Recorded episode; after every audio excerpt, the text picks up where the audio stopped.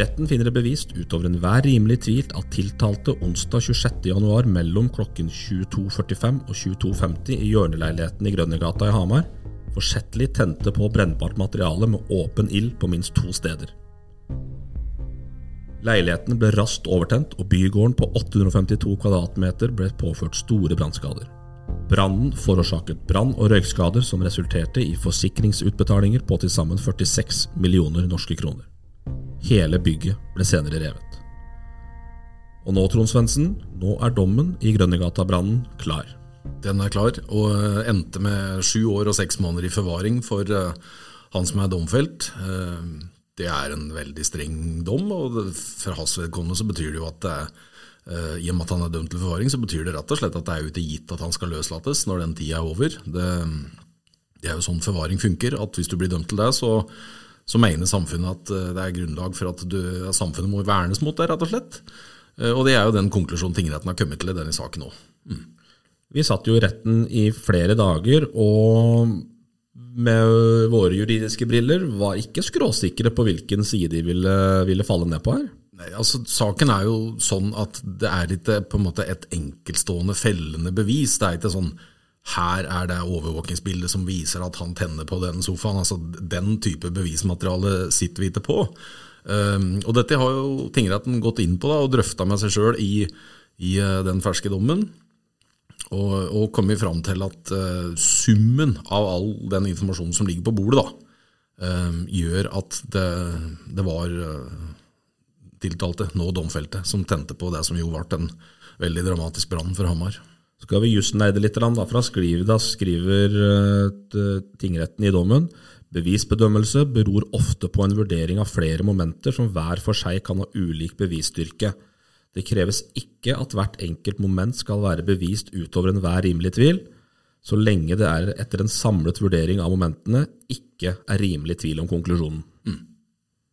Nei, ikke sant, og da, da er, Dette med tvil er jo veldig interessant når det kommer til uh, retten. Altså hva, hva, er på en måte rimelig fornuftig tvil? Da? Det er jo et veldig rundt og rart begrep som, som uh, folk kanskje kan stusse litt over. og det For dommer og meddommer så betyr det bare at de må føle at uh, det eneste som på en måte er at av tvil, er den tvilen de nesten kan lage sjøl.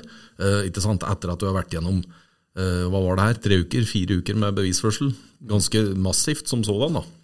Så må eh, dommerne sitte igjen med den følelsen til at uh, de må være helt sikre. Det er sånn 99,7% sikker, liksom. Det kan ikke være noen slingringsmonn. Og, og, det er jo folke, folkejussen, for å bruke det begrepet. Og det er jo en enstemmig dom, så her har jo de to meddommerne vært helt enige. Mm. Og så, hvis vi skal ta, til, ta, ta, med lytteren tilbake litt til retten, altså satt vi der i fire uker. Vi hørte tiltaltes forklaring så lenge han eh, var villig til å forklare seg. Vi hørte Eh, kamerater og fornærmede, og vi hørte uh, sakkyndige vitner både fra politiet og fra Brann, fra etterforskningsledelsen.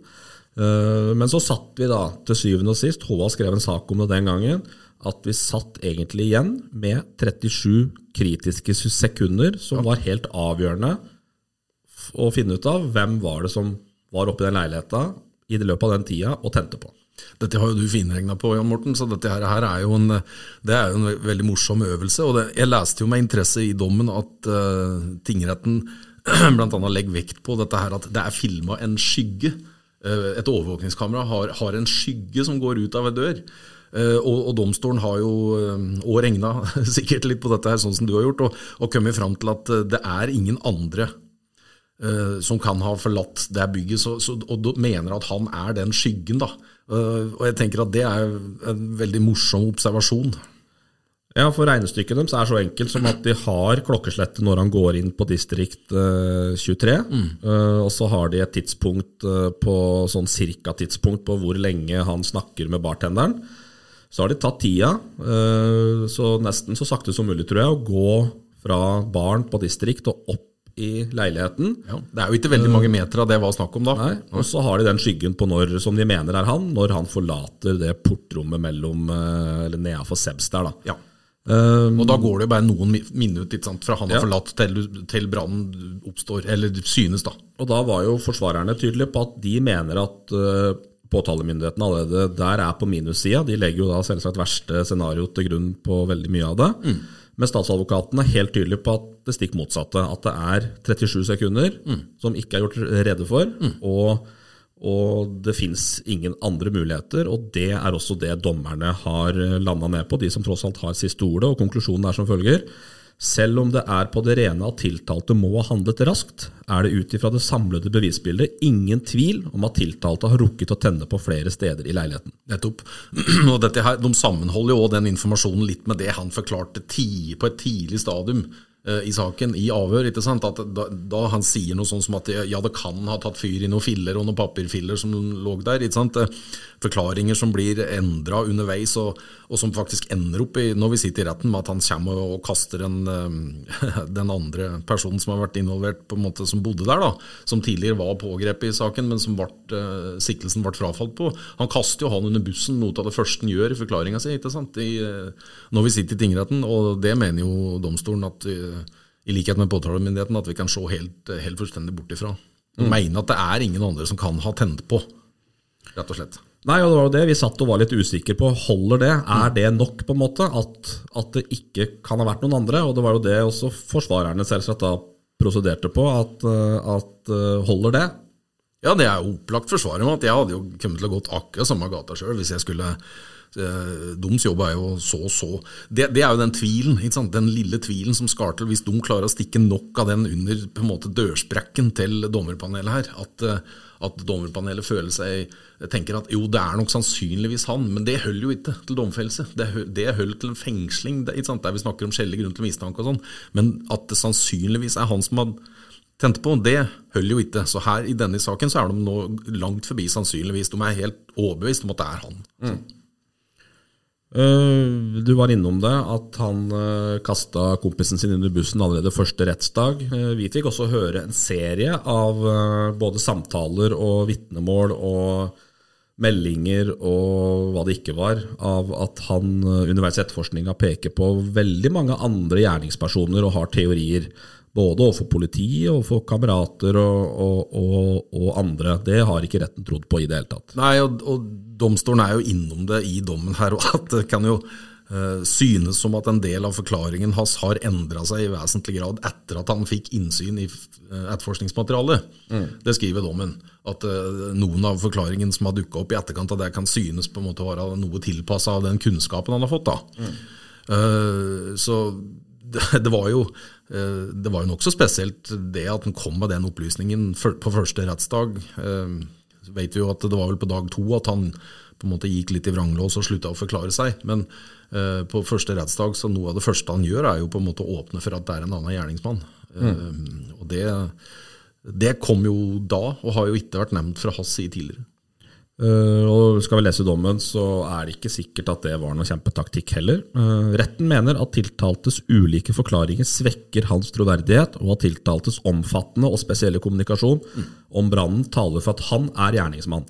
Så De snur egentlig hele den på hodet de, og sier at uh, all det han, alt det han har drevet med for å plante, eller i hvert fall så tvil om hvem som har gjort dette her, mm. det taler imot den, og han får det i back slash, egentlig. Ja, det er på en måte med å spenne bein for hans egen, egne forklaringer. Det at en hele tida har nye forklaringer og, og, tilpasset etter domstolens oppfatning. Mm. Um, vi hadde også sakkyndige innom, uh, innom uh, retten, Trond, som har, um, som har uh, observert den. det hadde vært litt styr der med samtaler i forkant.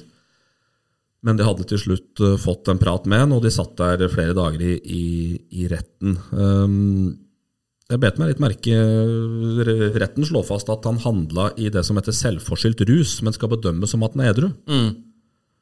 Hans forsett omfatter også de omstendighetene som gjør at, forhold, som gjør at forholdet er særlig grovt. Altså, uh, kan du si litt om hvorfor de det er sånn? Altså at du selvforskyldt rus, men du skal behandles som at du er edru? Ja, det er jo sånn, det er jo sånn loven eh, vel ble justert for noen år tilbake. fordi at øh, Det skulle ikke være noen på en måte unnskyldning å komme og si at øh, i voldssaker f.eks., eller andre ting sånn som dette, da, at ja, jeg var full, så jeg, ikke, jeg må på en måte unnskyldes. For en situasjon, eller for en tilstand jeg sjøl har satt meg i. Uh, og det var, fant jo norske domstoler ut etter hvert at, uh, at, det går jo ikke. Og det er jo det de, det jo, de legger vekt på her òg, at, uh, at, det er ingen tilstand som kan unnskylde eller forklare noe som helst. da. Det er jo ellers veldig erfarne sakkyndige som har vært i, til stede i denne saken. Det er jo Terje Tørresen, som vi veit er Eh, veldig erfaren, som jo var mannen som eh, leda den andre runden med 22. juli-terrorist eh, Breivik. Og Monica Flermoen, som begge de to har jo lang, lang erfaring med den type oppdrag som dette. da. Mm. Men det er kanskje lett å Han er jo da tiltalt og nå dømt for påsett, livspåsettelse av fire forskjellige branner.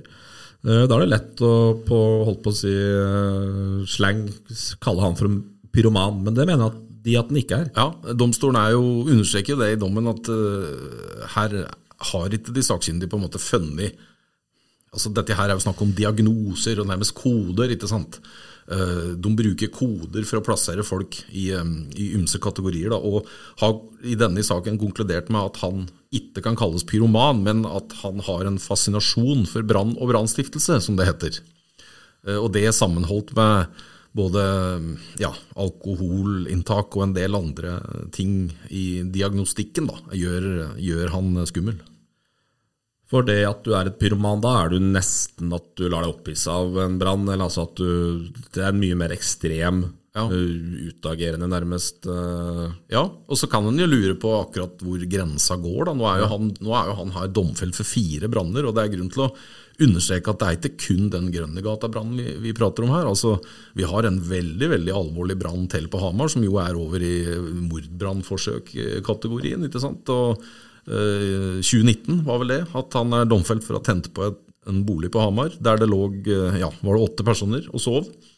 Uh, og, og, det er jo en, en ildspåsettelse som lett kunne ha kosta noen livet. Og, og, som vi ikke skal glemme oppi dette, her, sjøl om det er liksom Grønnegata-brannen som er på en måte Eh, den store offentlige greia i dette her, så, så er, det, er, det, flere brannsaker. Det er jo enda et bolighus på Hamar som ble påtent sammen med campingvogn oppå, oppå Arena.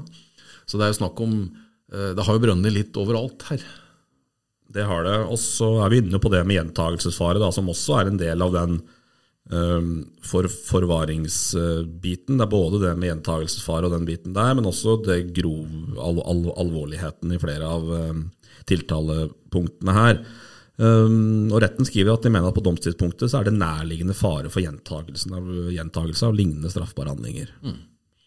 Ja, nå får jo han et løp eh, hvis denne her dommen skulle bli stående. altså Her er jo sjansen tenker jeg meget stor for at vi skal ha en runde i langmannsretten. Um, jeg vil jo anta at han vil anke dette her, og det er klart at da vil jo forsvarere hans få en Eh, andre omgang på å forsøke å så den tvilen som, eh, som ikke ble sådd hos tingretten. Eh, så det blir jo, det forbeholdet må vi jo ta. at Det er jo ikke sikkert at dette blir det endelige utfallet. Men hvis det skulle bli det, da, så er jo forvaring sånn at du har en minstetid som skal avsones uansett. Og så har du på en måte her et øvre tak på sju og et halvt år. Men det betyr ikke at han blir løslatt etter sju og et halvt år. altså Eh, det betyr at etter hvert så må, må, det da prøves på nytt i retten, ikke sant? Eh, når minstetida har gått ut, og når vi nærmer oss fullendt. Er han skikke til å bli løslatt? Er han fortsatt farlig for andre? Er det fortsatt fare for brannstiftelse? Eh, vi hadde jo en sak i retten her i byen før jul, eller i høst, september-oktober, der ei dame som er dømt for å ha tent på huset til mora ute i Stange i 2017 hun har jo sittet i forvaring siden da. Og der ble forvaringa forlenga nok en gang av tingretten med to år, fordi at de mener at det fortsatt er fare for at hun kan begå alvorlige og lignende ting om hun er på frifot. Så det er et eksempel på at det er ikke gitt at han kommer ut igjen eh, etter den tida, da. Og Retten konkluderer da med følgende. Retten mener videre at det er tilbakefall av risiko for likeartede handlinger, brannstiftelser, ved utløpet av en tidsbestemt straff om noen år. Tiltalte er 39 år, og retten mener det ikke er sannsynlig at det vil skje endringer i hans personlighet, eller at han vil gjennomgå slik behandling som de sakkyndige anbefaler. Selv om det vil gå lang tid før en løslatelse etter ordinær fengselsstraff, finner retten likevel ikke at samfunnet vil bli tilstrekkelig ivaretatt. Nei, og Det er en ganske forhastet del en ganske knusende konklusjon. for der legges det på en måte føringer på at uh, bør, uh, man bør være varsom med å løslate han. Og det er klart at uh, ting kan forandre seg, og gjennom behandling og mye rart, så kan han sikkert gjøre store framskritt, mener tingretten kanskje. Men om de mener det er om noen år, det får vi nå se. Da. Da, da er det sakkyndige igjen som skal vurdere i hvilken grad at det er mulig å løslate han. Så en forvaringsdom er streng, og den er atskillig strengere enn en vanlig tidsbestemt fengselsstraff. Altså. Hvordan tolker du HA har jo skrevet om dommen nå på morgenen. Eh, du har skrevet en kommentar om saken, Trond. Vi da skulle jo da selvsagt prøve å få et tilsvar fra advokatene som fulgte, fulgte tiltalte, nå domfelte, i tingretten. Det var Petter Bonde og Marianne Darre Næss fra Matrix-advokatene. Eh, nå har han bytta advokat. Hvordan tolker du det? Nei, det, altså, det, er jo en rettighet som enhver eh, tiltalt eh, i en straffesak har. det. Noterer jo det med noe interesse, og sammenholder det vel kanskje litt med at tiltalte jo har hatt Hvor mange identiteter er det de siste åra? Han har bytta navn eh, var det nærmest et tosifret antall ganger. Han har, han har hetta mye forskjellig, og han heter ikke det samme nå når han blir domfelt, som han vel het på branntidspunktet, hvis jeg ikke husker feil. Det er riktig. Um, uten at det trenger å bety noe som helst, men uh, det viser i hvert fall at uh, ja, det spriker litt og går litt av gårde i alle retninger. Så får vi nå se hva det advokatbyttet vil ha å si. Uh, som sagt så er jeg litt spent på om dommen blir anka. for da skal det jo behandles på nytt av nye øver og nye ører. Men, eh, men det jo, ja. Nå har ikke vi fått tak i en ny forsvarer som heter Fredrik Sjøne Brovald. Eh, det er et annet advokatfirma også, så det er helt åpenbart en, en helt ny retning. Eh, og Vi vet heller ikke akkurat når det skiftet her har skjedd, men er det mulig å tolke det som en protest eller en straff for, for at det endte som det endte, eller hvordan skal vi se på det? noen ganger så bytter folk advokat. Så vidt meg bekjent så fikk han denne her forkynt for seg i fengselet på fredagen. Og om det advokatbyttet har skjedd i etterkant av det, eller opp, i hvert fall opp mot domfellelsen, det vet jeg foreløpig ikke. Uh, om han er misfornøyd, så har jo han all mulig mulighet til å bytte forsvarer og advokat. Det er sånn game er. Men det kan jo ikke være noe liten jobb å sette seg inn i det sakskomplekset der når du skal skrive en anke på to uker, da? Nei. Det er en veldig omfattende jobb. Da må du eh, virkelig stupe inn i det. Her vet vi at det er et omfattende forskningsmateriale. Og det er en jobb som krever noen arbeidstimer, ja. Mm. Yes, retten har også brukt litt tid på dette om hvor er det skjerpende, er det særs, altså alvorlighetsgraden i dette her, og konkluderer jo da med at uh, fordi at det er et av Hamars eldste sentrumshus uh, som går tapt, så, så, mener de at det faktisk er skjerpende for, for dommen, og at da Grønnegata-brannen er det de kaller særlig grov. Mm.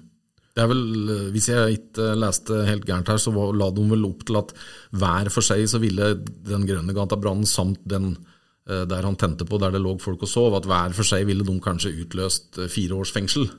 Uh, og så på en måte begynne å legge ting sammen og oppå hverandre og får en, får en rekke brannstiftelser som jo drar dette her i retning av Eh, av forvaring. Eh, så det er, jo, det er jo sånn det er.